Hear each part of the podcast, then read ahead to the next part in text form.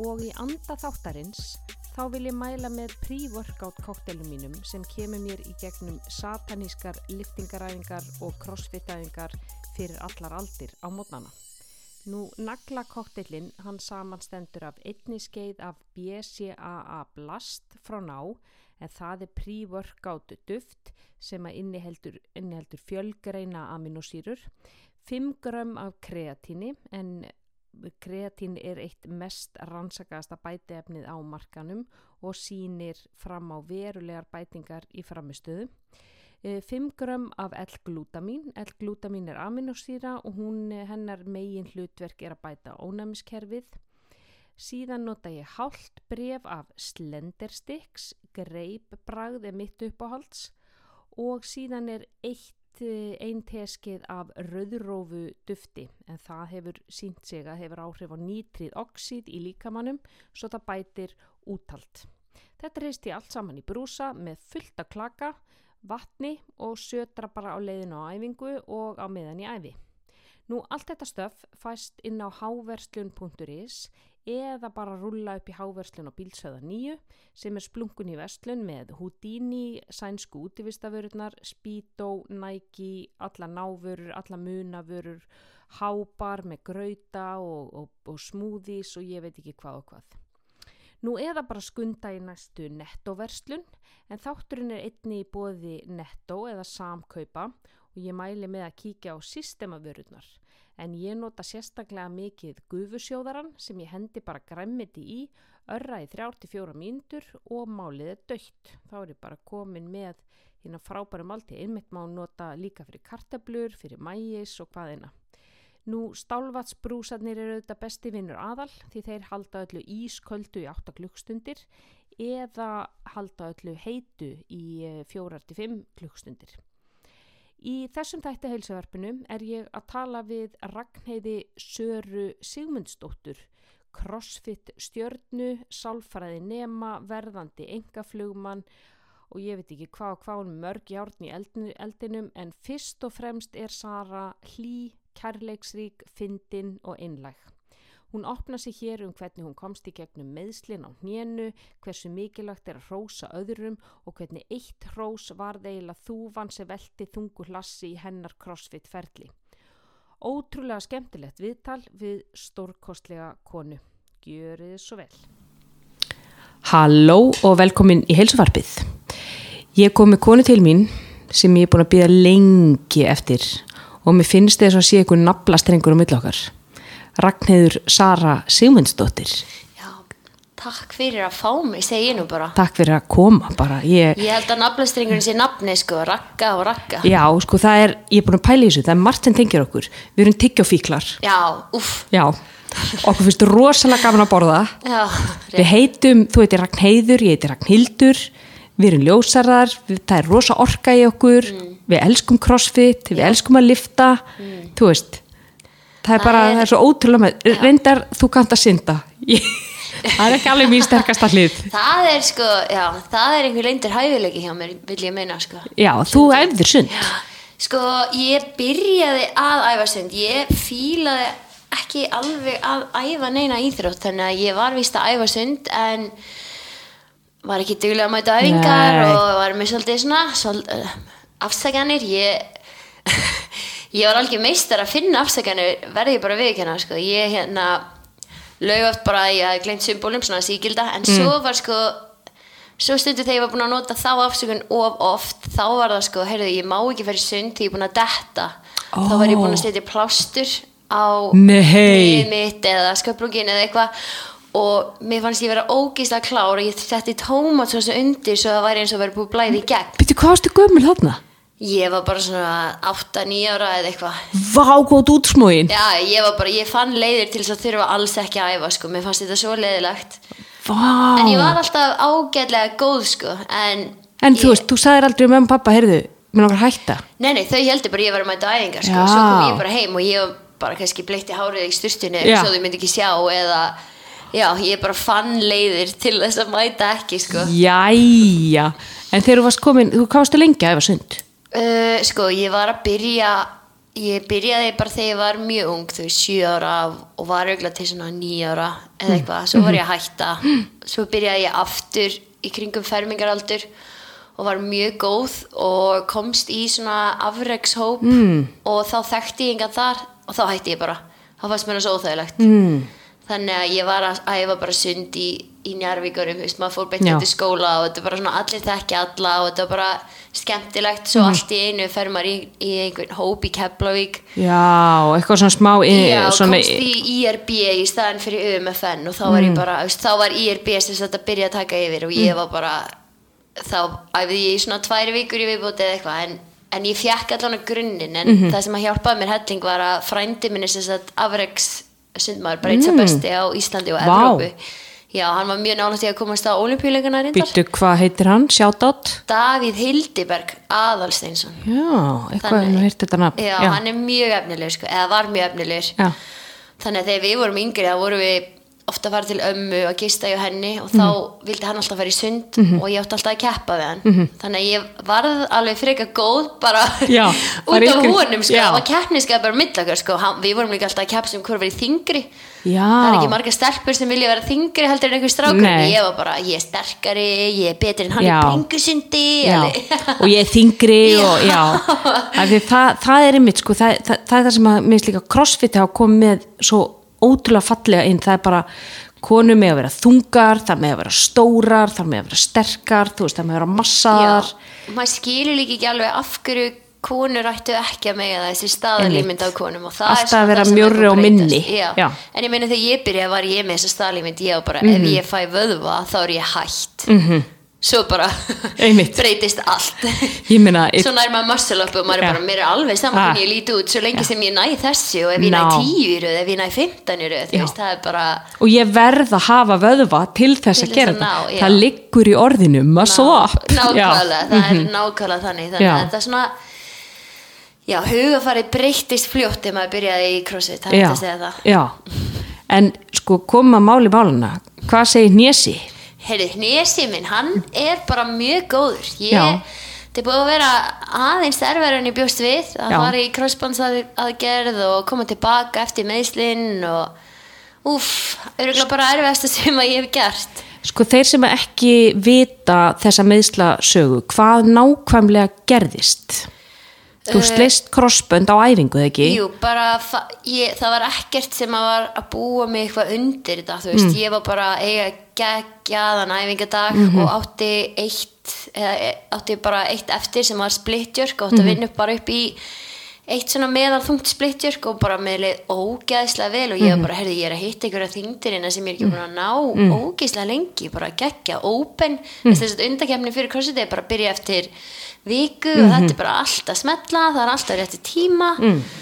og svo hérna já, svo bara í síðustu liftinu minni er ég að beigja hnén áður en ég fyrir að íta stöngin upp fyrir hann haus og þá heyri ég bara smell Nei. og ég náttúrulega bara sleppi stönginni og horfi á vinn minn sem var að taka mig upp og ég bara, heyrður þetta? og Mm. hann alveg, heyrði ég þetta? það bara heyrðist því líkur smellir og ég var alveg þetta var satt ekkert sérlega vond þannig ég held að þetta sé ekkert alvarlegt Nú, þú- þetta var ekki vont? já, ég fann ekkert fyrir þessu Ok. þú veist það kom engin svona þvílíkur sársku, auðvitað var þetta óþægilegt en þetta var bara svona eins og óþægilegt brak Og hvar í hnénu er þetta? Þú veist, hvar finnur þú fyrir, þetta hnéskilin eða er þetta aftan? á? þetta er sko þú finnur aftan á Mhm. og en það sem ég fann mest var bara þegar það byrja að bóluna upp þá bara missir þau svona reyfi getuna og er bara svona þingsli yfir hnénu það er eiginlega svona það sem ég Já, fann já. og já, Þannig þetta er krossböndin aftan, þetta er í hnésbótinni. já þetta er í hnésbótinu sko Já. en þú finnir hún ekkert sársögan þar Nei, nei. en já, þetta var bara Og, og þá, þetta er rétt fyrir Open árið 2021 eða ekki? Jú. Þetta ekki fyrra? jú, Þannig við erum að horfa á núna, þetta er eitt og halvt ár síðan. þetta er eitt og allt ár, já Það sem mér langar að vita, Sara, hvernig vinnumæður með hausin á sér í svona ferli? Að því að sko, ok, þú ert hérna að horfa á miðaldra húsmóður sem er eitthvað böðlast í ykkur crossfiti og þú veist, það koma þú veist, það hnjeðir eitthvað í ykkur fokki og skilu, þú veist, maður er orðin 43 ára, allt í hann vakna maður bara ökli myrkar ekki, maður bara, halló, hvað er að gerast hérna að þú veist, það kemur oft svona eitthvað vonleysi, þú veist, það er eitthvað ó, píti, nú get ég ekki gert boxjumps og nú get ég ekki sprettað og djö, þú veist, og þegar þetta er svona ástriða hjá manni, hjá þér er þetta atvinna, hjá þér er þetta, þú veist, þú ert atvinnumaður í greininni. Já, og að sko hvernig vinnum maður á hvað hugafar tilengaði þú þér til þess að bara ok ég get ekki gert þú, veist, þú get ekki gert miljón hluti. Nei, sko, ég fekk alveg smá áfall. Það er lagt að segja það ég, ég var undirbúið mig, ég syns að hvernig ég virka best er að ég þarf að gera svona smá plan ég þarf að sjá eitthvað fyrirfram. Þannig ég ákvað þegar ég slít er bara, ok, ég ætla að skipta þessu nýri face þannig ég byrja að skoða bara þegar ég er að búa til þessi face þá bara, ok, fjóra vikur það er pre-surgery rehab. Bara ég reyna að styrkja mig eins og ég get með það sem ég hef þanga til ég fyrir aðgerð. -hmm. og bara því sterkari sem ég er fyrir aðgerð því fljótari er ég að ná mér. -hmm. uh, svo fer ég aðgerð og þú mátt ekki gera neitt í tvær til fjóra vikur eftir á. Og þá meina ég ekki neitt. Þú bara lástu bara fyrir? Ég er náttúrulega held ég mætti gera efribúk og allt svona nema svo bara þú ert ekki að að bara svona, líkunar á því að þú slítir aftur bara með einhverju pínu litlu þess að bara vera að fara af hjóli og bara nota hendunar eins og þú verður á Já. verður bara nota hendunar bara líkunar á því að þú rekir tána í og þú snýrir það þú veist þá er svo auðvelt að slíta aftur. Það þú máttur ekki eins og fara inn og taka sko niðurtók í Nei, vél. ég bara, það var ekki bara, ég ákvað bara með sjúkarþálanum bara, við tökum enga sénsa, bara við ætlum ekki að Nei. slíta þetta aftur. Nei, nei, þannig að ég hugsaði bara, ok, ég tek bara hana, þessa mánaða pásu Mhm. uh, og ég í, er í skóla, ég er að læra sálfræði þannig að ég er, ok, ég er að skila hérna þremi verkefnum, þessi mánur fer bara í það að mæta á skrifstóni og snorra frá 7 til 5 Mhm. þetta er bara nýja vinna mín veist, ég er bara fyrir mat klukkan 12 ég er að læra bara til 11-12 og þannig ég fann mér bara það ok, þú veist, ég klára þetta og svo eftir mánuð þá má ég loksist svona byrja að hjóla, þú veist, þá má ég byrja Já. að nota og ég hugsaði bara hjóla það er bara klukkutími, svitna, gegja Mhm. nei, nei, hjólið voru ein mínúta. Ein mínúta? Og svo næsta dag tvær mínútur og svo næsta dag þrjár mínútur. Já, heyrðu, ég ætla að fara mynd í ræktina til þess að vera í eina mínútu. Já, einmitt. Já. En sko ég var náttúrulega að æfa eða þú veist, æfa, þú veist, ég var að gera rehab æfingar sem er náttúrulega bara að læra að lifta fætinum aftur, að læra að rétta úr aftur að eh, losna við hækjunar, þú Já. veist að lappa upp og niður stiga þetta, eða, þú veist, ég lappa ekki niður stiga fyrir eftir svona þrjá mánu shit, að því hún nærði ekki að beigja hnýðinu og mikið, veist, þetta var ótrúlega mikið sjokk, veist, ég sinni með rifbein og það eru þrýr mánuðir. Já. Og það, mér fannst það að vera ógeðslega lengi að líða. Já. en svo bara eftir þrjá mánuði var ég ennþá að læra að labba niður stiga sko, þú veist, þetta bara einmitt basic stuff. Já, basic bara- stuff og líka bara þú veist, þú tekur eftir öllu sem þú mátt ekki gera Mhm. ég man eftir því, ég man ég var að keira og einhver var að hlaupa út í sólinni Já. þegar sumari var að byrja Já. og ég var bara hvernig líður þið þá? Það er nákvæmlega þetta Já. þú veist, einmitt, þegar á mér er með fokk ég bara ok, ég verð að kvíla, get Já. ekki hlaupið svo sé ég eitthvað hlaupa. og ég bara, ó, akkur ég get ekki hlaupað? Þessi er að hlaupa, ég mun aldrei geta hlaupið aftur. ég var alveg þar og svo já. að sjá fó- fólk krjúpa ég var bara, já, mér langar svo að geta einmitt. bara mér langar svo að krjúpa. Já, mun ég einhver tíma geta það aftur? þú veist, þú ferði í þennan gýra bara mun ég einhver tíma ná mér aftur? Mun ég einhver tíma ná að vera jafn góð aftur? Mhm. er ég að missa þú veist, ég er að missa tvö ár af ferlinu mínu Já. í bata, þú veist, ég er ennþá núna einu og hálfu ári setna allt inn er ég núna bara, heyrðu, já þetta er Sara að koma Já. aftur tilbaka þú veist, ég er búin að fá bara svona hvað segir maður, bara svona waves þú Já. veist, öldur bara á því að ok, nú er ég að koma tilbaka svo bara kemur einhver skellur, allt í einu bólnar nýð bara. Já. Já. bara, nei, ok nú nýtti ég mér aðeins svo langt mm þannig ég er ennþá bara að læra á þú þarf að læra á líkamann Já. og hvernig hann virkar Já. núna með þetta nýja nýja eins og Já. ég man eftir, ég var ekki Votapalooza í fyrra jú, í þessu ógeðslega kompleksi. M, var ekki MIA eða eitthvað jú, ég man ekki hvað þetta var klín og, og já, front squat já. og, og eitthvað og, og þú veist, maður sá það bara að þú og hnið, þið voruð ekki Nei, þið voru ekki búin lærin á hvort annað nei, ég held ég hefði slitið aftur já, og fyrir það verður hrætt já, ég var bara, Já. ég man að ég var að hýta upp og það kom eitthvað svona brak og ég var alveg nei, Nei. er ég búin að slíta Ó. aftur og þegar þú heldur að eitthvað hafi gerst þá bara fer líka minn í Allt. lockmót sko. Mhm. þannig ég var bara, heyrðu, þetta er bara stress að tala við núna, þú ert ekkert búin að slíta neitt aftur það er allt í læg með þig farðu nýri hnépi, þá Mhm. þú finnur auðvist, þú byrjar að tala svona við sjálfa þig, bara þetta er allt í lægi svo bara um leið og ég fór á gólfið þá bara tók undir meðdöndin Já. yfir og ég uppliði bara svona outer body experience ég Já. var bara, ég var að segja líkamannu mínum að gera eitthvað Já.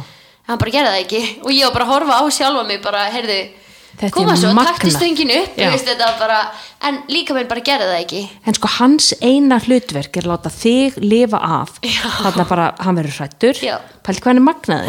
Hann bara magnað. tekur yfir, er og hann, þetta er svona eins og þú veist, þegar maður er unnið einhver staðar, okkur vinnustaf og það er eitthvað fokk í tölfunni og þú bara, heyrðu, tala bara við admin og admin segir, heyrðu, ég þarf að taka yfir tölvuna þína, Já, er ekki lent í þessu? er ekki- og allt í henni bara einhver bara að gera eitthvað á tölvuskjánu maður þetta er bara svo alveg, ég svipað, stjórn engu, ég Þetta enga er stjórn það var rosalega skríti og ég náttúrulega bara fór af gólfinu og bara hvað gerðist Já. og bara allir bara hvað gerðist þar og ég man að einn stelpa kom upp á mér eftir og bara eitthvað ekki gráta, Mhm. þetta er læg verður sterk og ég var bara, herri, láttu mig í friði Já. ég ætla bara að vista að gráta, ég er bara ógíslega reyð út í sjálf mig og reyð út í líkama minn bara Mhm. hvað er að, veist, ég hef keft þúsund sinnum áður, af hverju er hann að gera þetta við mig bara, er ekki Einmitt. nóg að ég gekk í gegnum þetta crossbandslið, mér langar að koma tilbaka og ég er búin að vera hérna í urlandi streitu ástandi Já. út á gólfi,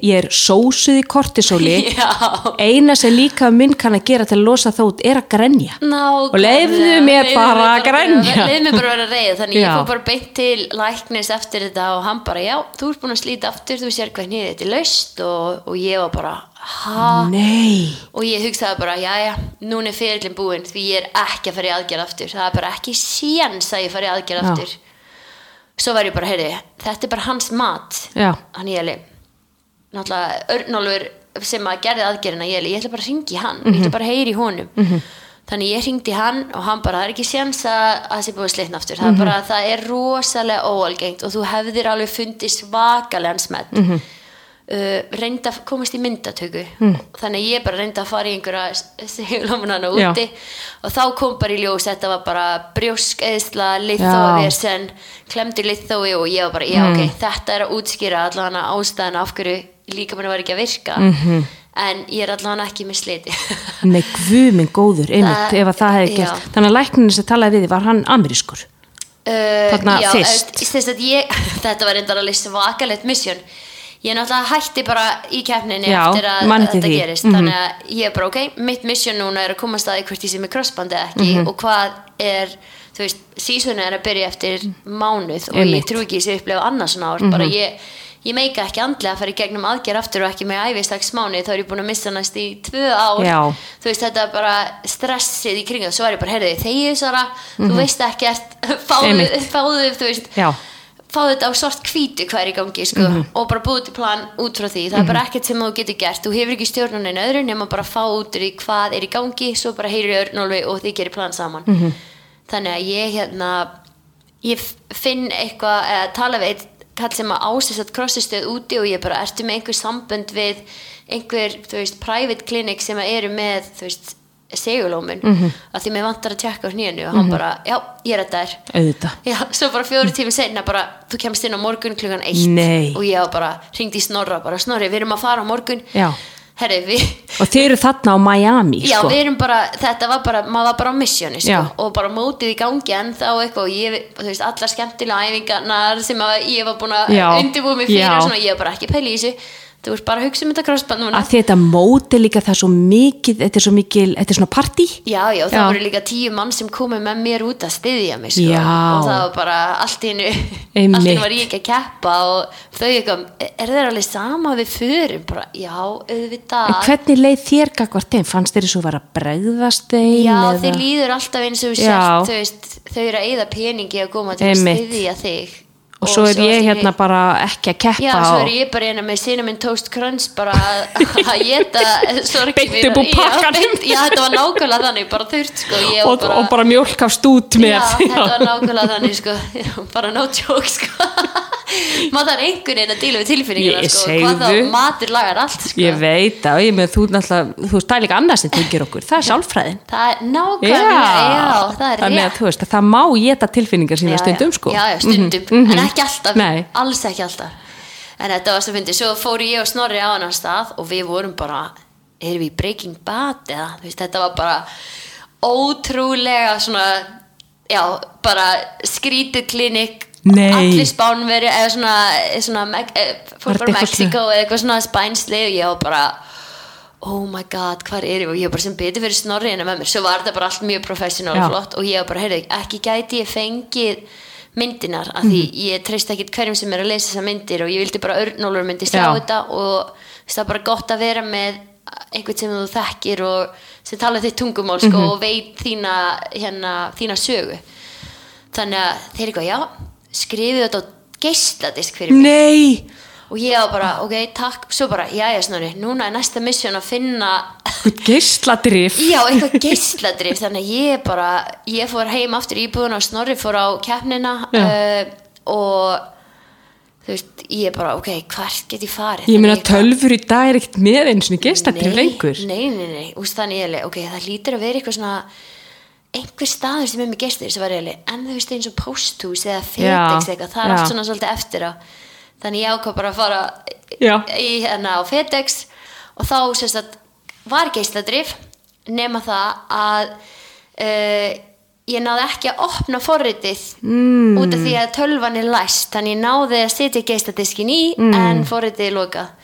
Og þannig ég eitthvað ef ég kaupi USB-kup og ég færi allt úr Já. geistadisknum yfir USB-kup og það, það virkaði? Já þannig að það virka og ég eitthvað, ok, fór í tölvuna mína. Uh, þurfti að færa allt frá USB-kupnum inn á hérna, tölvuna mína svo var ég alveg, hvernig getur örnulis þetta? Já, ég upplóti þessu öll inn á Dropbox af því Já. ég þarf nefnilega forritið til þess að opna þessar myndir líka. Þannig ég þurfti að upplóta forritinu líka inn á Dropbox. Og alla myndinar og allt, þetta var svakarett prósess en eftir að var ég bara Vá, mér lífur eins og ég sé bara James Bond hérna, ég Já. var bara að finna því líku laustina, sko. já, þú verður bara að hugsa í Já. einmitt ég, mér hefði einmitt dótt ég var svona að hugsa hvert hefði ég farið ég, ég hefði farið svona einmitt eitthvað svona ráftækjaverslun eða eitthvað, þú já, veist ég hugsaði það Já. einmitt að fara í það, næ, ég man ekki hvernig, best, Best Buy, Buy, eða Best eitthvað Buy, þannig, en já. ég var alveg FedEx, FedEx, já. eða Postus, eða þú veist, eitthvað UPS. og allir ókslega næs að leifa þér bara, já, heyrðu, komdu bara hérna já. já.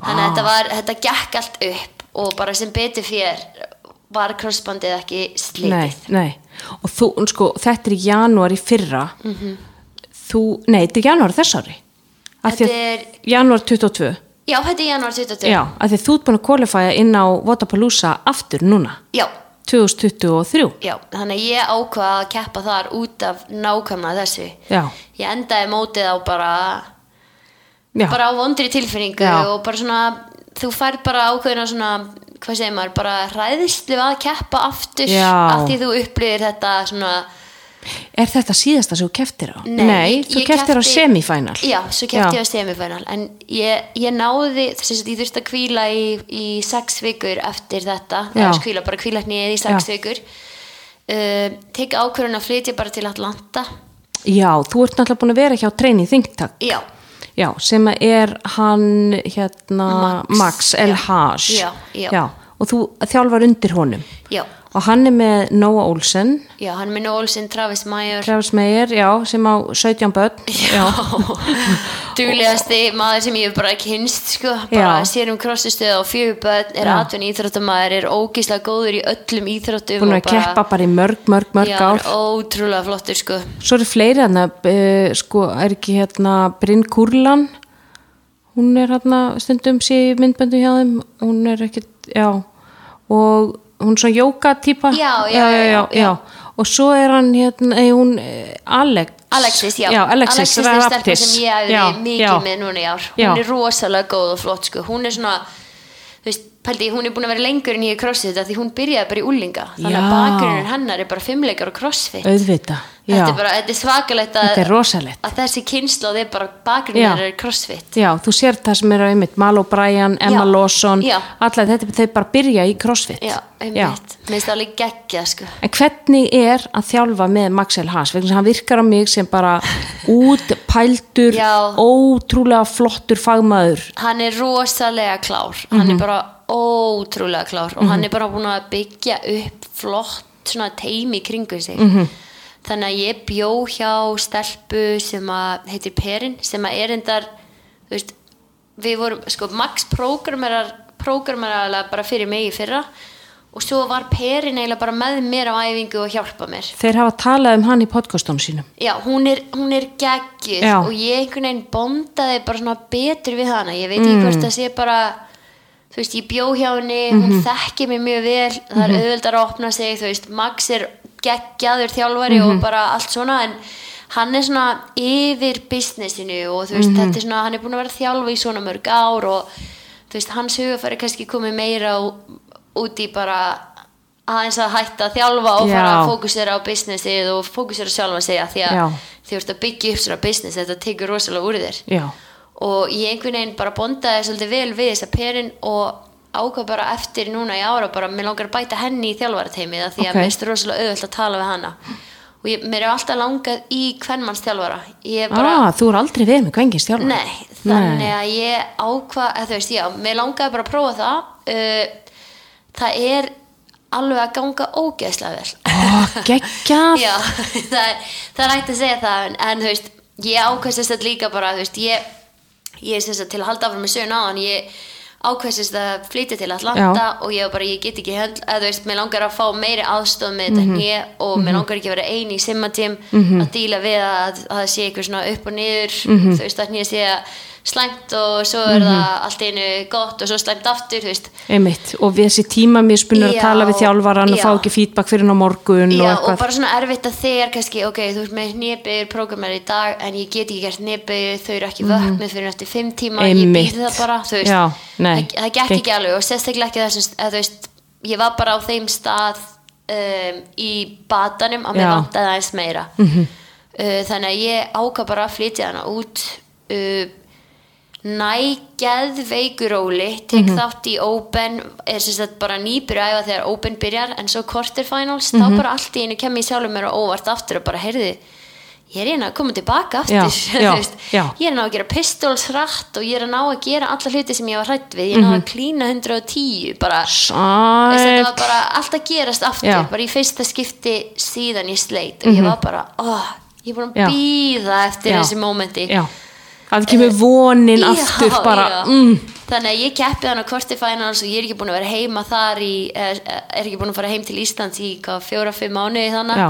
að því ég var sérst í Dubai frá júl, júli fram í desember, kom heim í tíu dag í desember og svo fór ég bara til Miami og var bara í bandaríkjanum til april mm, uh, ég kem til Íslands í tvær vikur uh, fæ COVID í annars nei, og ferða síðan aftur út byrja að æfa, fyrir bakinu er sett á fyrsta fyrstu Evrópuleikana, sem sagt Lowlands og þeir eru bara eru bara eftir tvær vikur þegar ég er að koma til bandaríkina þannig að ég eftir þrjár vikur, ég fyrir í bakinu ég þarf að hvíla í tíu daga eftir að fyrir í bakinu þú veist, bakið er bara streyta í kringum COVID Já, örugla og já. bara ferðalagið. Já, var það mjópakið? Já, var mjög bara, já, bara, bara var í rétt stuð, já, já, var já. í miðri æfingu og bara Láttu mig þekkja það, já, Sara. ég hef aldrei lendi og vonandi lendi aldrei eftir ég sé nýður þetta Nei, ég lendi í þessu einmitt, ég, þegar þú segir þetta, hvort það var þessi COVID-ið, ég lendi í þessu eftir COVID Mhm. Og svo aftur eftir setna COVID. Já, þú hefur fengið COVID tvisar líka Já. alveg Þannig að sko, ég, ég, ég, einmitt, þetta er eitthvað streyta, Já, ég fann það einmitt eftir COVID, það var eitthvað streyta að sé rosa líka lengi. Já, maður er líka bara búin að liggja og þú ert bara, ég hef bara aldrei fengið jafn mikla verki í liðina eins og þegar ég var með COVID. Ég var bara, hvernig get hvernig get ég einhvern tímann æft í lífinu? Bara, Ég fekk svona einhverja vöðva, já, ég fekk svona einhverja vöðvaverki, Já, já, þannig að verið að vera að kveikja bara í lærunum á mér og bara á nóttunni, ég bara, Ó, ég veit ekki þetta- hvað ég á að gera í þessu. Nei, það er ekki hægt að gera. Nei. var bara að býða eftir að þetta fari. Þetta er bara, eina sem virkaði reyndar, ég notaði nálastungudínu og um leið þetta byrja það var eins og að róa þess að segja Róa þetta, já, þetta er tögakerfi sjúkdómur Já. eins og leiði laðist á hana það var svona það var bara Já, svona það að slaka á, næ, já. já, þess að slaka sko. Já, þannig að þú fer, sko, já, þú átt að fara á, í Amsterdam á Lowlands. Já. Og þú ert þarna að drefast í bakinu. Já, ég er hérna komin aftur til bandaríkjana uh, tek einn æfingadag, fer í bakinu næsta dag, þrjár vikur í mót og hálf Mm. Vika ég, ég þurfa að fara aftur til Lowland. Eða fara aftur til segja og og það er bara eitthvað svona einn streitan í kringum það og ég var bara, ég verð ekki tilbúin ég má Nei. ekki gera neitt, ég má ekki taka réttstuði ég má ekki gera neitt og svo þegar þú ert búin að fara í bakinu þá finnur alltaf svona Ég smá veit það, og þú er ógeðslega hræddur. Já, og maður er svo hrættur og ég byrjaði eftir fimm daga að reyna að taka bara air squat Já. bara bodyweight air squat Já. og þá bara kom aftur byrjunarreitur Ba bakið. Já, og Oh. þetta var bara alveg pyrrandi sko, þannig að uh, ég fekk ekki nægan tíma að æfa Nei. fyrir Lowlands Nei. og ég man bara þegar ég var í Lowlands þá bara var ég að taka réttstuð í fyrsta skipti Já. síðan þá og með hlaupi og þetta var bara já, þetta var aðeins En þú samt kláraðir, hvað, varst ekki Ég var í- áttunda nei, ég var í sjötta var Þú varst þarna næst við, já. já, ég syns að ég var mjög nálagt fimmtastætinu fyrir síðasta votið Já. og svo byrjaði síðasta votið og bara ég vissi hvaða stelpu ég þyrst að vinna til þess að komast Hver var það? uh, Lucy Campbell Já, já, já. og svo hérna, Breska. já, svo fekk ég no rep í óreitskoti Oh. og heyri síðan bara í dómarunum bara, eða dómar í hérna uh, announcernum Já. bara Lucy Campbell has Já, ég man og eftir þá var þessu. ég bara það, það bara dó allt inn í Já. mig sko, ég var bara, ég trúi þess ekki Já. ég er ekki að komast á games annaður í röð bara En þú komst í Last Chance Já, Qualifier. svo komst ég í Last Chance Qualifier og bara, Stóðst þið vel þar? nei, ég stóð mig bara alls ekki. Jú, þú voru ógeðslega erfiðar æfingar. Ég meina þetta hvað, var ekki 100 boxjumps Jú, eitthvað? sko, Hvað viðbjöður? Já, sko, það sem ég var að óska eftir að myndi ekki koma var handstöðganga Já. að þetta væri eitthvað vott sem að væri bara um handstöðgönguna þú veist, að myndi það kannski koma vott sem að væri þú myndir að gera liftingar með handstöðgöngu eða eitthvað og svo Já. var ég mjög mikið vona að kem og svo var ég að vonast líka eftir í að það myndi ekki koma nýbegur með hoppum af því Já. að það er svona það sem er erfiðast fyrir nýði núna Já.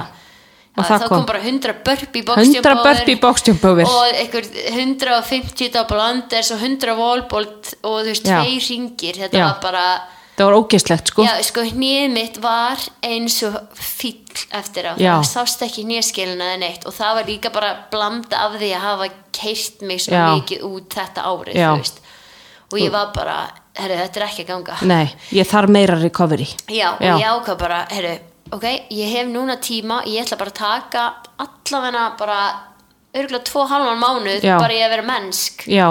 Þannig ég bara, ég ætla bara þjóðutíð. Ég ætla Já.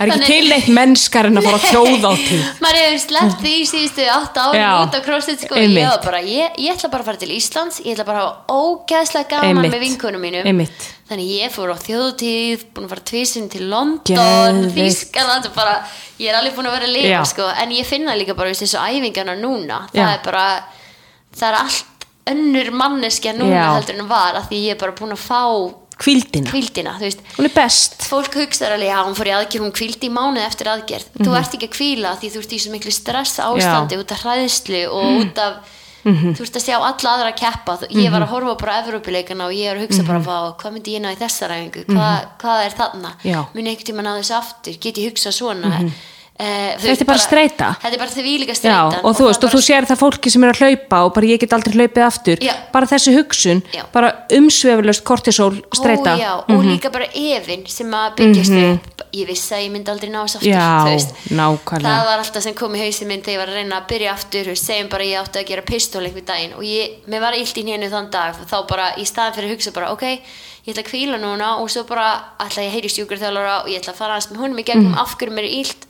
þá var ég bara, ég ætla að þvinga mig í gegnum þetta. Ég ætla ekki að láta þetta hnýja sigra mig þú veist. Einmitt og svo, er svo- og svo getur ekki og þá kemur svona að Þá svona ég self-fulfilling prophecy. Ég vissi, þetta, já, hvað ég vissi þetta gerist á games? Já. ég er aldrei að fara að ná að vera topp ég 10 er á games aldrei, aftur, einmitt. Og þessi Maður- rosalega stóru hugsun. Já, sem að drepu mann Drepa alveg, já. og bara drepu líka viljan að ná árangri af því Já. er ófrættur að feila sko. þannig að þú þurftir renni bara að stimpla þig út úr öllu sitt crossfit bara ekki ho- horfa á neitt, ekki fylgjast með neinu. og ég bara fara að djama með stelpunum. Já, og bara valla verið í kringum fólk sem er í crossfit nei. sko. auðvitað æfði ég á þessum tíma en ég gerði bara sem ég var skaman Æfði Ég bara svona eins og við bara hin. hjóla, Já, já, fór bara mhm. hjóla, gerði bara nákvæmlega sem ég vildi. Bara, þú veist, ég funkar ekki nema að æfa. Það já, er já, bara- nákvæmlega. Það, það er ekki líft í kringum ef ég æfi ekki nei, sko, ég, en ég verð ofbeldi sneið já, sko ég, ég bara já, það er bara ekki líft í kringum mig sko. Þegar ég, hérna, En þannig að þú bara, þú veist, þú- æfðir bara, ég menna þú varst að, tókst eitthvað, mm, var ekki eitthvað fjáröflunar hjóla? Já, það er bara núna nýlega Það er var nýlega, bara, já, já. það er sem sagt, uh, þar, já, úf ég, þegar ég kom heim þá var sem sagt ein af mínum vinkurum, hún hérna sagði mér að strákurinn hennar væri kannski komið Sem guð sagt, minn líkaminn elsku barnið. Já, Já. líka minn væri ekki að framleiða þetta var bara rosalega random sko bara hann sem sagt uh, var allir bara með marblitt út um allt mm. þannig að hún fór með hann til læknis og blóðpröfu og þá kom bara í ljós að sem sagt uh, að líka minn væri ekki að framleiða en hvít blóðkorn. Mm, og hann er bara búin að vera í rannsóknum og allt svona og Mm. svo hann sendur til Svíþjóðar og bróður hans líka til að sjá hvort þeir séu mats. Mm. þeir voru mats þannig Ok. að hann er núna búin að vera í Svíþjóð í beinmerkskipti hann er búin að vera bara í einangrun sín í júli sko. og hann er bara hvað tíu, nei tíu, hann er, er 12-13 ára. Er að fara að fermast. Já, þú veist, því líka sjokkið er bæði að æfa körfu og fótbolta og svo allt í einu bara kemur þetta. En Já. hann var ekki með hvítblæði, hann var bara með hann var sérst með öll enginin á hvítblæði en bara, já, já, ekki fór í, veikur samt. Nei, og þú tekur Bara- að, að, að, því ég minn auðvitað þetta kostar náttúrulega gríðarlega fyrir hún fjölskylduna. er sko með engareiki fyrirtæki og maðurinn hann er bara í veikindaleyfi að því að þú veist, það er ekki tægt að æfa þegar barnið þitt er bara því þú veist ekki hvað er í gangi með barnið þú veist, þetta er bara eitthvað sem gerist fyrir þú veist, once in a million sko bara, eða one in a million meina ég og hérna þannig að þau eru bara bæði búin að vera í Svíþjóð þú veist, í staðan fyrir að þau þurfti að skiptast á að vera eitthvað, hann væri að klára vinnuna sína og svo myndi hún fara að vinna og eitthvað þannig og ég var bara er eitthvað sem ég gæti gert svo var ég bara, heyrðu, hvernig byrjaði ég fyrirlið minn Einmitt. það var að gera svona fjáraplanir bara, heyrðu, ég komst á móti í Danmörku ég ætla að róa hérna nennið að leggja inn á mig að heita á mig Sapnaður þannig fyrir móti í Danmörku? já. Var það ekki þegar þú var í Ballerup? Það komstu þákað? Var ekki 2012? 2013 13, já. Já. ég fór á það mót, já, já, já. þá, þá var maður bara í lífstíl.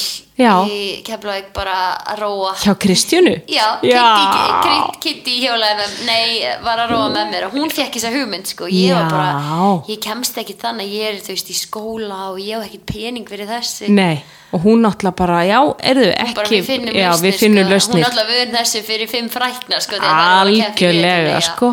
Hún Sjátt á algjör- Kristjánu, sko, ég Hún er- elska hana. já, hún, hún var bara mín helsta fyrirmynd sko. Það, ég segi það með þér, hún er mín helsta við, hún er, hún er rosalega falin fyrirmynd, það er bara allt og fáir sem vita af þessari konu, sko, Já. hún er hvað, sér ekki að verða 50 já, og hún, hún er bara, hún er ennþá að, sko, hún er en ennþá hún að er- vinna, hún er líka bara þannig karakter að hún vil að allir ná Já. þú veist, hún er ekki keppinautur sem að vill illt. Nei. þú veist, maður þekkir svolítið margar sem að vilja þér bara Já. að því að þú ert allt í einu byrjar að augra sko. Og þegar ég var byrjað að augra henni sem að, þú veist ég bjóst aldrei við að ná henni veist, mitt helsta markmið var bara að ná einhver tíman að að vera topp þrýr á, á þú veist, hérna einmitt, já. þú veist, og ég var bara, vá, Kitty hún er sko að hlaupa þetta Já. og þessu og svo einhver tíman náði ég að vinna hana í einhverju móti og ég var bara oh my god En þá Kitty? hún þér hún bara. Mhm. var bara, þú veist, hún dró mig í öll þessi mót, hún var að hjálp hún var bara mín Já. helsta rólmódel og líka bara hún kendi mér svo margt hvernig þú átt að trýta keppinutuna þína já, þú veist þannig eins og þegar ég með CrossFit Suðunus og voru unga stelpur að koma þá væri bara, ok þetta er ná, ef að Kitty hefði ekki hjálpað mér þá væri ég ekki á þessum stað Nei. þannig að kannski get ég verið þetta fyrir einhverjum öðrum það er að tilenga sér einmitt, að, sko, að kunna að tapa. já, já og líka bara þetta er íþrótt Já. veist, þetta er þetta er Þetta leikur Já, þetta er leikur. þú Og- ert með keppniskap og Já. svona en og um leið að við löpum af keppniskólfinu þá erum við þá komum við fram við hvort annað virðingu Já, og vinsemt og við erum öll í sama liði því við erum bara manneskur Nákvæmlega. saman Já. Það er nákvæmlega þannig, sko. Er, ég, ég kefti einu sinni á, á- nei ég kefti tvisar þreikmastarnum og í fyrra skiptið þá er ég sett með henni. Já. Og við erum saman, þú veist það voru svona tveir og tveir niður brautina. hvena var þetta? já, Það var- það voru alltaf tveir og Já, eftir þetta er svona 2007-8 eitthvað svo já, þetta er áður en ég byrja og ég vissi ekkit hvað ég, ég bara heyrði þetta er eitthvað sniðu keppni. Og ég fyrir Já, bara í já. þetta. Var svona búin að æfa eitthvað svona, eitthvað svona semi bara fyrir þetta þú veist. já, já. Og svo er hún að ég aldrei sé þessa konu og hún er náttúrulega bara kökkull sko Já. og ég bara, jæja svo byrjaði þetta held ég á hjóli og svo að fara á róður Þetta er hjól niðurtók já, eitthvað, róður og svo var einhver uppstig og þetta Já. endaði á hlaupi og svo backpressu já. já. og þú veist, ég eitthvað náði svona aðeins að haldi hérna á hjólinu svo var hún bara farin Já, sko, já, þetta var svona eins og ég væri bara svona í reikspólun bara eftir henni. Já, já, mér er svona hver einustu æfingu Já, sko. ég, Það var Já, bara já, en það var rosalega, þú veist, hún varð mér strax rosa innblástur. Já, hún bara, hún var kennari minn sko, þannig kynist ég henni og hún bara vildi ekki prófa að æfa með mér. Og ég var bara, þá var ég bara nýbur í bútkamp búin að fá eitt hrós á æfi minni að ég hafi verið sterk út í að gera arbeið á tánum Já. svo allt í er þessi kona að spyrja mig hvort ég vil ekki æfa mig Já. ég var bara, ég er ekki nógu góð Nei, ég er ekki nóg, ég er ekki nóg. Já, ég er ekki nóg, ég er bara já. alls ekki nógu góð sko, ég er bara ég er bara eitthvað nýbyrja að æfa í viku Já. hérna og fyrst þetta í spinning með pappa en þú veist, það er svo magna maður sér sig allt öðru sig heldur en allir E, aðrir algjörlega, en hún hefur séð eitthvað potensial í Já, þér. hún hefur séð eitthvað Já. potential og hún hefur bara hugsað hvað get ég gert til að hjálpa þessari stelpu Já, og hún, akkúrat. henni tókst það svo sannarlega Eldur betur og við hlökkum til núna Já, því að nú ert að fara á. Otapalooza Já, aftur ó, já. og þú stefnir á náttúrulega bara að taka openið og, Já, já, og já, fara á games það aftur. bara sem skiptir mestu máli núna er bara að komast á heimsleikana Já. og það, þú veist ef að ég er ekki nógu góð fyrir Votapalooza þá er ég ekki verið að taka neina sjensa þar þá er Nei. ég bara að fara Þannig að Otapalooza er það bara svona pröfu, að já, bara það er langt sín í kæfti Já. á bara, þú veist á gólfinu, Já, komast á gólf- gólfið já, og finna hvernig bara- hnið er, hvort það þóli álægið. já, og þú ert svo allt öðru sem manneskja sko, þegar þú ert undir álægi og Já, stressi og já. Mhm. pressu og öllu svona þannig að það er bara svona ok, ég þarf að læra aftur á keppnisöru mm Mhm. ég var bara 2019 að keppa -hmm. ég bara vissi nákvæmlega í hvaða gýr ég var að fara. Þú veist, þetta var bara ekkert mál. Nei. núna er ég bara að býtu af hverju líðið með svona? Þú veist, af hverju er maður alltaf nýtt í nénu þú veist, að því Einmitt. hausinn fer að bulla svolítið í þér þegar þú ert stressaður til þess að reyna að taka pressu af þér. Alltaf, Já, bara ég er alltaf. ekki verið að árengra því mér er smá illt í Já, núna. Og svo segir hann, að ég vil ekki bara hætta þessu, hættir þessu fyrra, við getum alveg hætt núna Já, líka. Þú Mm, ert bara búin að ná toppnum. Þetta er það sem búin hausnum mín Já. Þú ert bara búin að ná toppnum. Já, En svo er hinn röddinn sem er miklu sterkari sem er bara, herru, við erum ekki komin nálægt í sko fullt inni, Það er fullt inni, já, já. það er bara málið sko. Þannig Ég- ég hlakka til að sjá Söru líka Já. koma því að nú kom svolítið ný sko Já, ég er ótrúlega spennt Já, það er konar nýjar stelpur. nýji keppinuttar og þú veist, ung, yngri, þú veist, Mhm. eiga þær róði mig, þú veist, að því að þær hafa kannski ákveðna hluti en það er ekkert sem toppar sko gamla styrkin Mhm. og reynsluna. já, og það er líka bara það sem ég hef alltaf elskað við CrossFit er að þú ert bara með ákveðin haus Mhm. og það er ekkert margir sem geta farið Nei. á þennan stað sem þú þarft að fara ástundum Já, grafa já, það er það sem ég elska mest við CrossFit, það Mhm. er bara, heyrðu nú þarfst þú bara að segja hausniðinum að þegja Já. og þú þarf bara að vinna Já, veist, CrossFit er að breyta svolítið núna yfir í að það, þetta þarf að vera þú veist, áhörnundavat bara, já, já, já, já, en þú veist, ég meina crossfit, þú veist, þetta er það sem við göngum í gegnum bara við sem að förum á þriðdegi kl. 5.30, skilur Já. það er bara, ok, þú ert að fara að gera þessar, hérna, 40 burpees yfir þessa stöng já, já, já og á 25. repsi er þetta fara að vera vond? þá er þetta fara að vera vond og þið er fara, þú ert fara, fara að hugsa er ekki 30 bara já, þú veist, en maður klára alltaf þessa 40 já, já, já. Þetta er Sko, það sem ég elska svo mikið er bara, það sem að CrossFit hefur kent mér er bara, þú getur svo miklu meira en þú heldur. þú veist, það er bara eins og ég hefði lært að labba á höndum, finnst þetta bara magnast ekki, þú veist ég náði ekki að sparka upp í vegg þegar ég byrjaði CrossFit ég var svo þú veist, ég var bara ég get ekki haldið mér uppi á höndunum. Bara, hvað er að þessu Nei. fólki hérna? Hvað þá að lappa hérna óstudd yfir einhverja Já. vegalengt Já. og ég tala nú ekki um yfir einhvern svona stiga já, eitthvað. þetta er bara, og að vera búin að gera kannski 50 muscle up og svo Já. að fara að labba á höndum. Núna er ég bara, auðvitað get ég þetta. Já. ég get allt sem ég ætla mér. Ég þetta bara, Ég- og, er- og þetta er bara einmitt með líkamsætt þetta er svo valdeflandi. Já. Þú veist, þess að ég segja oft þú veist, við konur, ég mun okkur farði í ræktina prófaðu að rífa upp rétt stöðliftu Mhm. þú veist, bæta þig kannski frá því fyrir mánuði Mhm.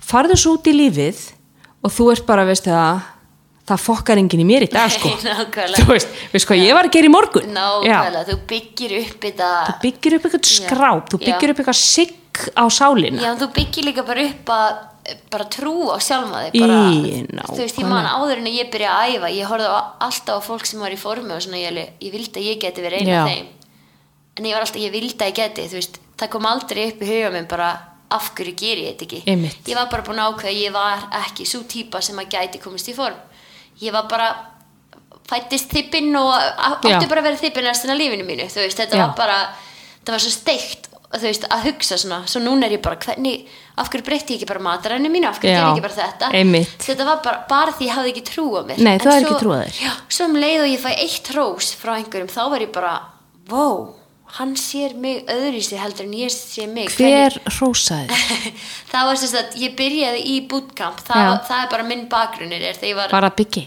nei það var ekki byggja það var Gunni, ok, hann heiti Gunni Ben eða hét Gunni Já, já. Uh, hann var með bootcampi í Keflavík. Já, ok já, já, þannig að hann hérna hann hefur séð eitthvað í þér og, og hrósaði þér. þetta var rosalega saklaust en vá hvað þetta hjálpaði mér mikið.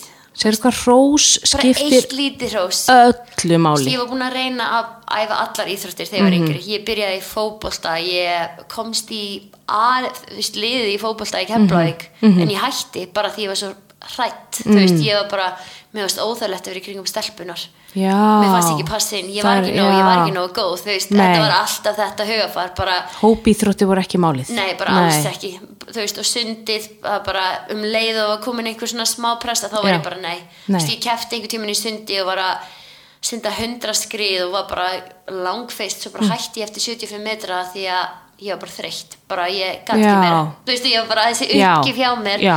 var svo sterk, bara Já. því ég hafði enga trú á mér, ég var bara búin að ég væri ekki nóg og ég myndi aldrei vera nóg og ég ætti bara að sætta mig við það Í hvernig hefur þú sigrast á þessu?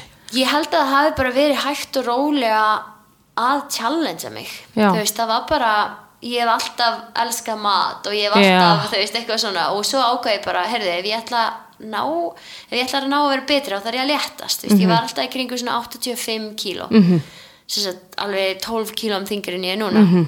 uh, og þannig ég ákvað bara hvað með ég fyrir í fitness og Já. þá þarf ég að vera að ég þarf að fara eftir mataræði að því að Kepptir ég er að fara upp á svið já, ég kefti í ég er að fitness segja þér, þetta eru naflastrengir út um allt sko.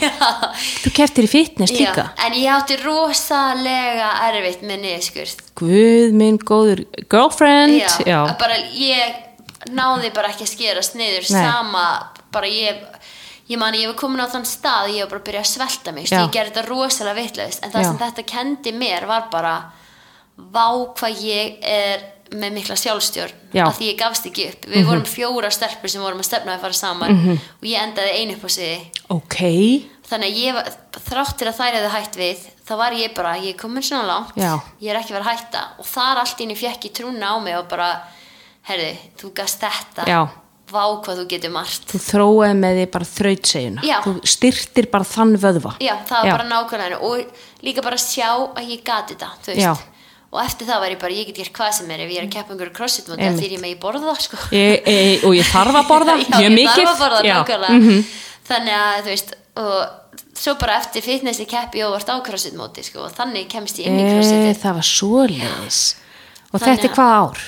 Þetta, sko, þetta var 2011, ég kemst inn í CrossFit 2012 mm. uh, og þá var ég mitt Kitty sem vera að plata með að keppa í þreikmóturöðinni já, og þá ákveði bara ef ég, er að fara í lega get ég alveg fyrir einstaklings líka. Já, og keppi í einstaklings og er með jafnmörg steg og Katrín Tanja endi Ok. öðru stæti Já. en að því hún vann eitthvað vott þá var hún í fyrsta og ég var bara ó ég er alveg frekar góð í þessu crossfiti. Já. ég með langar að skoða þetta og þú veist, hvernig ég kefti var svo steikt er ég vissi ekkert hvað crossfit væri. Einu sem ég gerði var bara ég googlaði æfingarnar. Já eða YouTubeaði æfingarnar og svo var ég bara í hótelgirmin í lífstíl að læra þetta Nei. það er ekki eins og hægt að gera er ekki hægt að gera ups eða neitt. Nei, eða uppbyggingar eða Nei. neitt, tóstu bara eða neitt Nei. þannig ég var bara, æ, þetta reddast bara já, já svo Þetta- bara náði ég inn, já, náði ég öðru sætinu og Sæll. Danni Box eða Danni Þórða Já. hann Danni hérna- Þórðar? Danni Þórða, já að hann, þjálfa pappa minn já, náði hann er meistari Já. hann kom að mér og bara, heyrði ég er að þjálfa inn í krossistöðu í bænum viltu ekki taka þátt í Open? Og ég var bara, hvað þetta Open? Hann eitthvað, þetta er svona undakefni fyrir Evropuleikana ég var bara, ha, ég? Veist, ha. Halli mætti bara með ykkur um klukkan þetta og ég hjálp bara að skrá skorið og bara þú færði æfingu þannig að þarfst að gera hana þarfst að hafa dómara og bara ég hjálpa með restina og ég var bara, ok. Svo varði ég náttúrulega bara alltaf spennt og þess að æfing, eða lendi sjötta stæti eftir fyrstu æfingunni sem var bara sjö minna burpees Já, það var það ár þegar sjö minn og burpees. Já, og ég var bara, já, og ég var alveg vákvæði góð, ég er bara í fymta stæti í. Evrópu eða eitthvað, ég var bara topp 10 allri Evrópu, Evrópu. og ég var alveg ha, er þetta í alvörinni ég? Veist, þetta var svo ótrúlegt fannst mér, Það er ótrúlegt já, þannig ég var ógeðslega spennt fyrir næsta voti og það var eitthvað snatt ég eitthvað, hvað er þetta snatt sela YouTubea það bara. já, ég YouTubea það bara, ground, from ground to overhead in Já. one movement og ég eitthvað, já, ok Já. þannig ég fyrir bara í lífstíl fyrir bara í þú veist, einhver pínu lítil aðstæðana sko Ég meina þú snatsar bara upp í loftið já og Já. líka bara þú veist allt í kring, all, allar æfingar eða þú veist allir, allir hérna öll tækinan í kring Já. og eitthvað þannig að ég var að fara í spinning þannig ég ákvað að ég ætla að prófa þetta snats en ég Mhm. færi í spinning og síðasta þingdin voru 61 kíló þannig ég Mhm. þyrfti til að ná henni til þess að halda topp 10 þannig að ég bara set eitthvað á stöngina 40 kíló eh, ég held ég hafa bara sett strax 60 og ég hef bara náð að snatsa því upp. Nei, Jú, jú, og svo bara kunni ég ekkert alveg setja stöngina niður. Nei. Og svo byrja fólk að labba í spinningstíma og, Og ég þú ert bara, ha- hangið með Nei, stöngina fyrir ofan hausinn. Og ég sem sagt, bara missi máttinn síðan bara því ég Já. er haldið henni svo lengi. Og þetta úlisbrýt mig. Nei, þannig að ég mátti ekki byrja í crossfit fyrir en eftir ár. Ert að og grínast? Þannig að ég kemst loksins að Evropuleikana 2013 Ok, og þá eftir fyrsta daginn náði ég ekki að gera þess að þú, það var eina æfing sem að þú ættir að gera þrjú overhead skott Já. eða yfirhandarnýpur eins og íslensku. Já, og það var allt í pundum og ég eitthvað, ha, pund? Já. ég hef aldrei líft eitthvað í pundum áður. Já, ég byrja bara inn í 155 pund vissi ekki, Já, veist, nei, nei, er 70 kíló, já. ég er náttúrulega nýbyrjið þannig og bara hef aldrei kæft á stóru móti áður eða neitt og ég bara, hvert er ég að horfa, það er alltaf Mhm. mikið af fólki að horfa á mig, vera að lifta og næ alltaf bara tveimur endurtegningum en ég átti að ná þremur. Mhm. og ég er bara eitthvað, æ, ég sætti mig bara ég bara í síðustu sæti í þessu, ekkert mál. Svo bara uh, klára ég næsta vott sem er að burpee muscle up og ég var nýbúin að ná muscle up þannig að ég var Mm. ógisla ána að hafa næst í klára þá vott ég bara, ég vann þetta upp aftur maður. Herri, þá kemur bara dómar að mig bara, herri, þér er sagt úr keppni að því hún náður ekki að klára minimum requirement sem Oh, er þrjár hnipur þannig ég var komin alltaf leið til Danmörku loksis að keppa á örbuleikunum sem mér langaði svo að keppa á undan Nei. og þá bara, þú þarft að hætta keppni á föstudeginum. Ertu að grínast? Þannig að ég bara Það veistu að ég er bara fann að halda ég, myndi, ég man eftir ég hafa, veistu hvað Garfield er, hérna, kötturinn? Já, hann er stundum með svona óveður skí yfir sér. Já, þetta var svolítið þannig þú ert mér. svolítið þar. Já, já, já, já, ég var alveg svolítið þar sko. En 2000 skildir aldrei á neinn tímbundi bara, heyrðu, fokki ykkur með þetta crossfit ég nenni þess Nei, ekki. ég var bara, ég á að vera í þessari íþrótt. Ég fann það bara, ég var bara, ég hef aldrei verið góð í neina áður. Já, og mér finnst þetta ógæðslega skemmtilegt og ég ætla ekki að gefast upp. Ég, þú veist, þú finnur stundu bara svona tilfinningu inn já í þér bara, þetta er rétt, ég er þetta réttum er rétt. Ég þarf bara, ég má ekki gefast upp. En lífið er bara hendið með fullt af hindrunum Já. og bara, þú veist, ég einu- ætla bara að sigra staði Já, það er einmitt ein kona sem var æfi lífstíl sem kom að mér bara, þú veist að þetta er bara bara smá fjall. Já, þú þarf bara að komast yfir fjallið og svo bara heldur áfram, þú veist, þetta er bara svona smá gyrðing Mhm. Já. þú veist bara klifir yfir klifur hana yfir og- á, komast bara í fjallið og þá kemstu Já. bara það, þetta niður í móti Já, og eftir, svo, svo kannski kemur annað fjall en þú bara heldur áfram veist. Alltaf. og ég var, vá, þegar hún segir þetta svona sko, bara ég ætla ekki að gefast upp og svo kom 2014 sem var fimmleika árið og ég hefði aldrei gert þú veist, Nei. handstöðupressur eða legless rope climb eða sæll handstöðugöngu nei, þannig að ég endi í 12. sæti þar og eftir það var ég bara, ok, ég þarf að fara að byrja að keppa meira, Mhm. ég þarf kannski að fá mig þjálfara því ég var bara ennþá á YouTube alltaf á þessum tíma og, held ég samt í því, maður getur orðið afreikskona í crossfit gegnum YouTube já, það var allan að hægt og svo bara kemst ég á þess að ég var ennþá að æfa þannig bara í lífstíl, ég var ekki komin í crossfit aðstöðin sinni Mhm. og svo fæ ég þetta geggjaða bóð hjá sportusinu að sjá um crossfit aðstöðuna september 2014 crossfit suðunis já, og ég er náttúrulega bara hoppa á það tækifæri Mm. og bara framfærinnar að geta æft crossfit á Ó, já. í alvöru aðstöðu það sem ég gæti droppa það sem ég var með stöng sem að snýst þú veist, þetta var bara gæti gert uppbyggingar, game gat æft changer.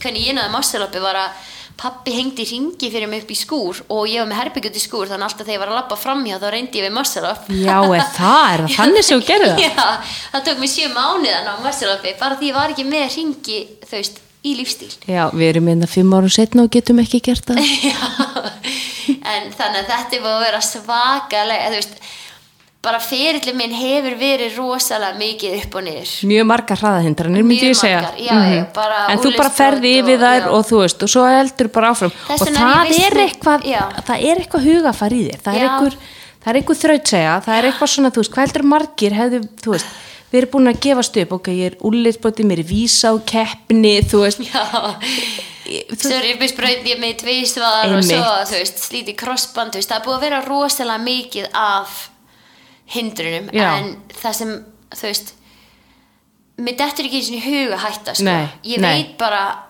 það er eitthvað inn í mér sem segir mér bara, þetta er að fara að vera allt í lagi, þú Já. þarf bara að halda áfram, bara, ef þú hættir í þessu, Já. þá ertu að fara að gefast upp í einhverju öðru í lífinu. og þú vilt heldur ekki horfa eftir 30 ár, hvað ef ég hefði haldið áfram? Nákvæmlega. þú vilt halda áfram og, og þú veist, ég tek oft dæmi um, þú veist, það var kona sem að gekk frá einni sjónvastu til annarar að sækja um vinnu og allstað var sagt við hann að glemdu því þú ert aldrei að fara að fara í sjónvarp. Þú ert bara ekki með útlitið í það þú ert bara ekki með, þú veist, þú ert ekki með réttan, réttan sjarma, ekki með réttan lit. Hún heitir Óbra Winfrey.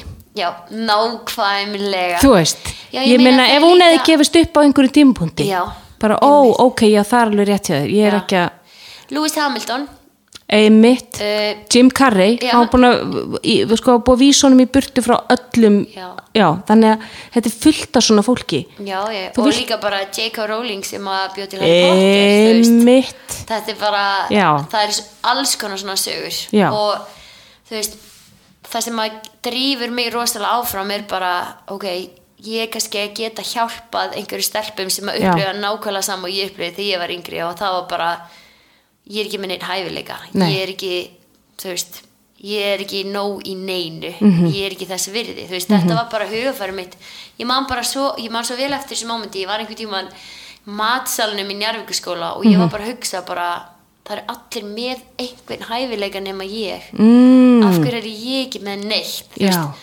þannig var ég bara eh, og þá var ég bara, sumir fá bara ekki tækif, eða Nei. sumir eru bara ekki með neitt Nei. þetta var bara þetta var svona narratífa þín bara, ég bara su- hugsaði þér að vera 15-16 Já, ára og hugsa svona. já, og ef maður horfir á 15 og 16 og börn sem myndi hugsa svona, maður myndi vera bara guðming og ekki tala svona, Nei, veistu hvað hefur mikið? Já, en maður var bara með svo Maður sér mikið ekki- samanburð og bara og getur ímyndaðir í dag með allan samanburðin í gegnum sko, samfélagsmiðla. já, já, já, þetta er bara, ég get rétt ímyndum Já. þetta var náttúrulega að byrja á tímanum sem ég var 15-16 ára, Já. þá var maður með blogg central síður sko Já, þá var að posta myndum á öllum vinkunahópunum inn á og maður var alltaf að byrja að bera sig saman Já. Býti, af hverju eru þær að gera þetta það er, og, og það Já. er held ég það sem er ömulegt í dag fyrir krakka, sko allavega, þú veist, í gamla dæmi þegar ég var að var engi símar, Mm. maður fór bara heim og maður vissi ekkert að, þú veist, Sigga og Stína voru saman í kringlunni, Nei, skilju, nákvæmlega, en núna já. bara opnaði Instagram og bara nú, ok, mér verður ekki bóðið með. nei, og þér líður líka alltaf eins og sért að missa Missa af einhverju. Mhm. já, og það er bara,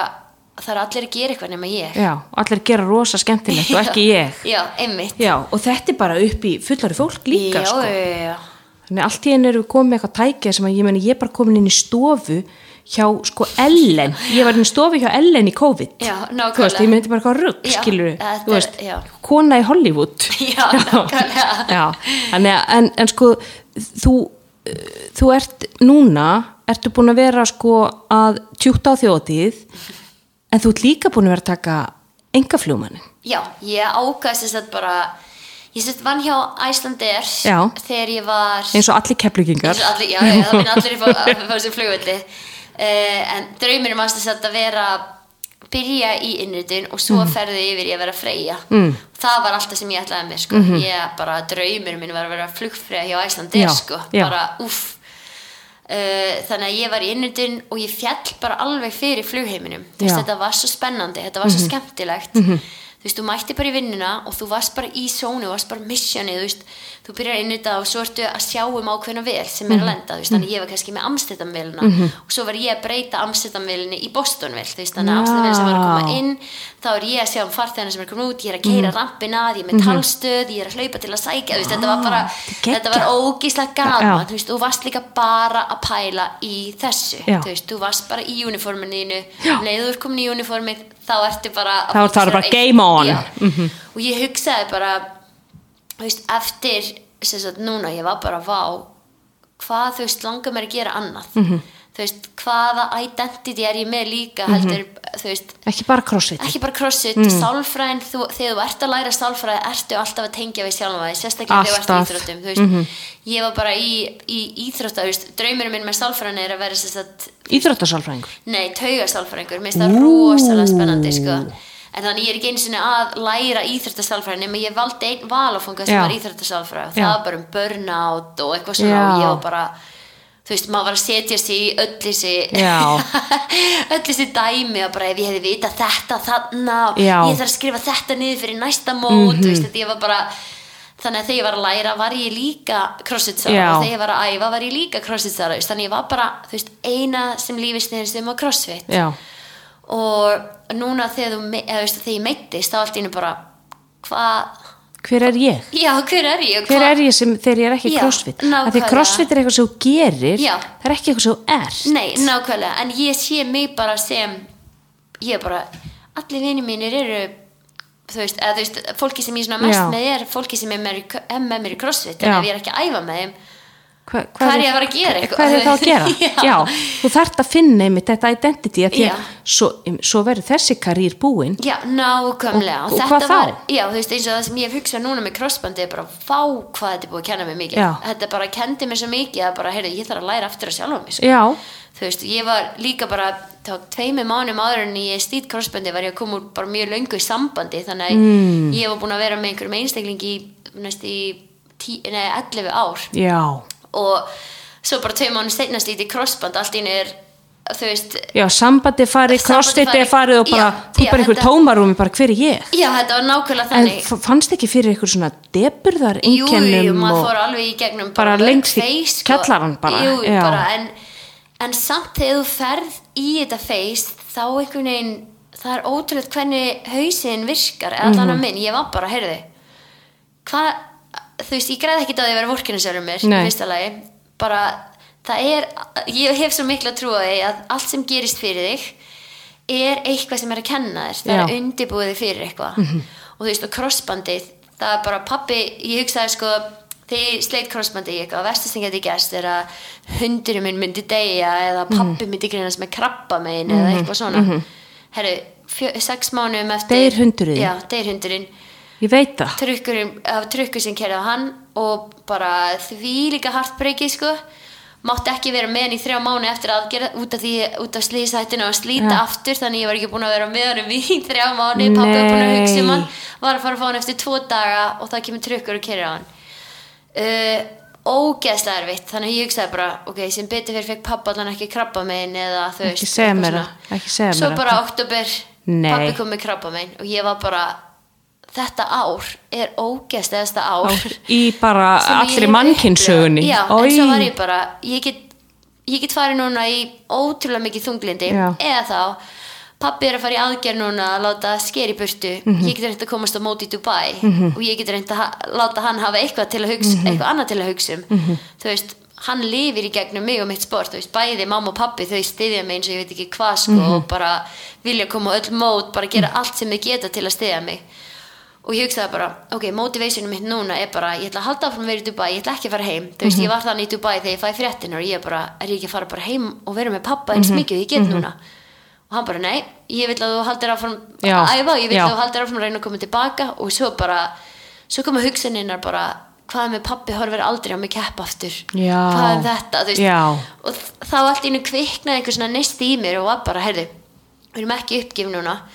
Mhm. þú, eina sem ég getur gert núna er bara komast á þetta móti í Dubai Mhm. uh, pappi getur hort á þetta eftir aðgerina, Mhm. hann hefur eitthvað svona eitthvað spennandi framöndan veist, þetta er ekki bara fyrir þig eða þú veist, auðvitað er þetta líka fyrir mig en þú veist, þannig að það kom einhvern veginn bara svona ég veit ekki, þú veist, þannig ég hugsaði bara þegar pappi kynist með krabba megin, ég eitthvað, ok, nú er ég að fara í gegnum sama ferli og þegar ég sleitt crossbandið, Mhm. þú veist, þetta kennir manni svo ótrúlega mikið, sko, og þú veist, og bara til að taka fram núna, pappi Ég bara að- brennur á mér, bara hvernig hefur pappina Já, það? hann er, hann er góður núna, hann er sérst að fara í tjekk núna eftir, Hvar var krabba minni?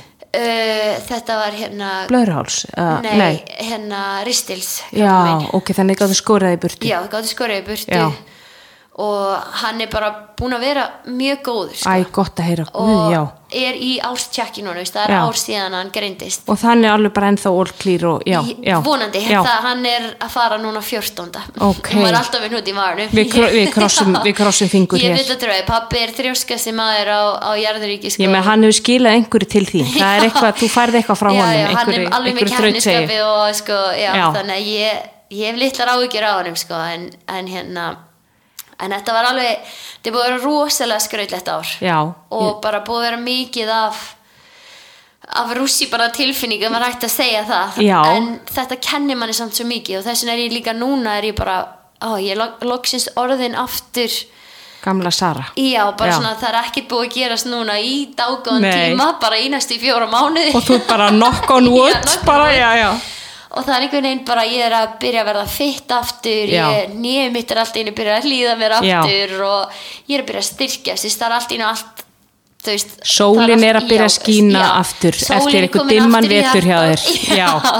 en þetta er það sem ég segi bara að maður á aldrei að gefast upp Það bara, það þarf bara að halda áfram þetta er bara smá tímabil Mhm. og svo sérðu græna ljósið eftir rauða ljósið, þú veist Já. þannig hugsa ég það er bara smá rautt ljós núna Já, gott. og svo allt í henni kemur græna ljósi á endanum og þá veistu ástæðana af hverju þetta gerðist bara Já. já, ok, þetta var að kenna mér þetta Þetta er ótrúlega góð líking, þú veist, bara stundum í lífinu, lendum við á rauðljósi Mhm. og við þurfum bara að býða, -hmm. svo kemur guld og við erum tilbúin, Já. svo kemur grænt og við meðum gerast það. nákvæmlega, það, svona horfum ég á þetta það er bara, ok, Og svo bara komum við á næstu gattamótum, kannski grænt, Já, kannski nákvæmlega. já, kannski hraða en hindrun á það þarf leiðinni. bara að halda áfram þú veist, ert alltaf að halda já, áfram. Það er nákvæmlega málið. Ó, Sara, takk fyrir að gefa þér tíma til að koma í heilsuvarpið. já, bara mínur ána Vá, maður, þú- talaði ekki of mikið Nei, of veistu að þú hringi. auðveldasti gestur sem ég hef haft, sko. En eins og ég segi, það er bara, það er eitthvað svona, er eitthvað svona væp líka. Það er naflastrengurinn, Já, sko. Nafnið og- Já, en ég veit það, sálfræðin og tyggjóið og maturinn og, já, Æðislegt, bara takk kærlega fyrir, ég veit að mínir hlustendur verða sko urlandi gladir að, ég, það er engin spurning, það er allir sörufans, það er bara þannig. Og til ykkar hlustendur góðir, takk kærlega fyrir að hlusta á heilsuvarpið og þang til næst, verið bless.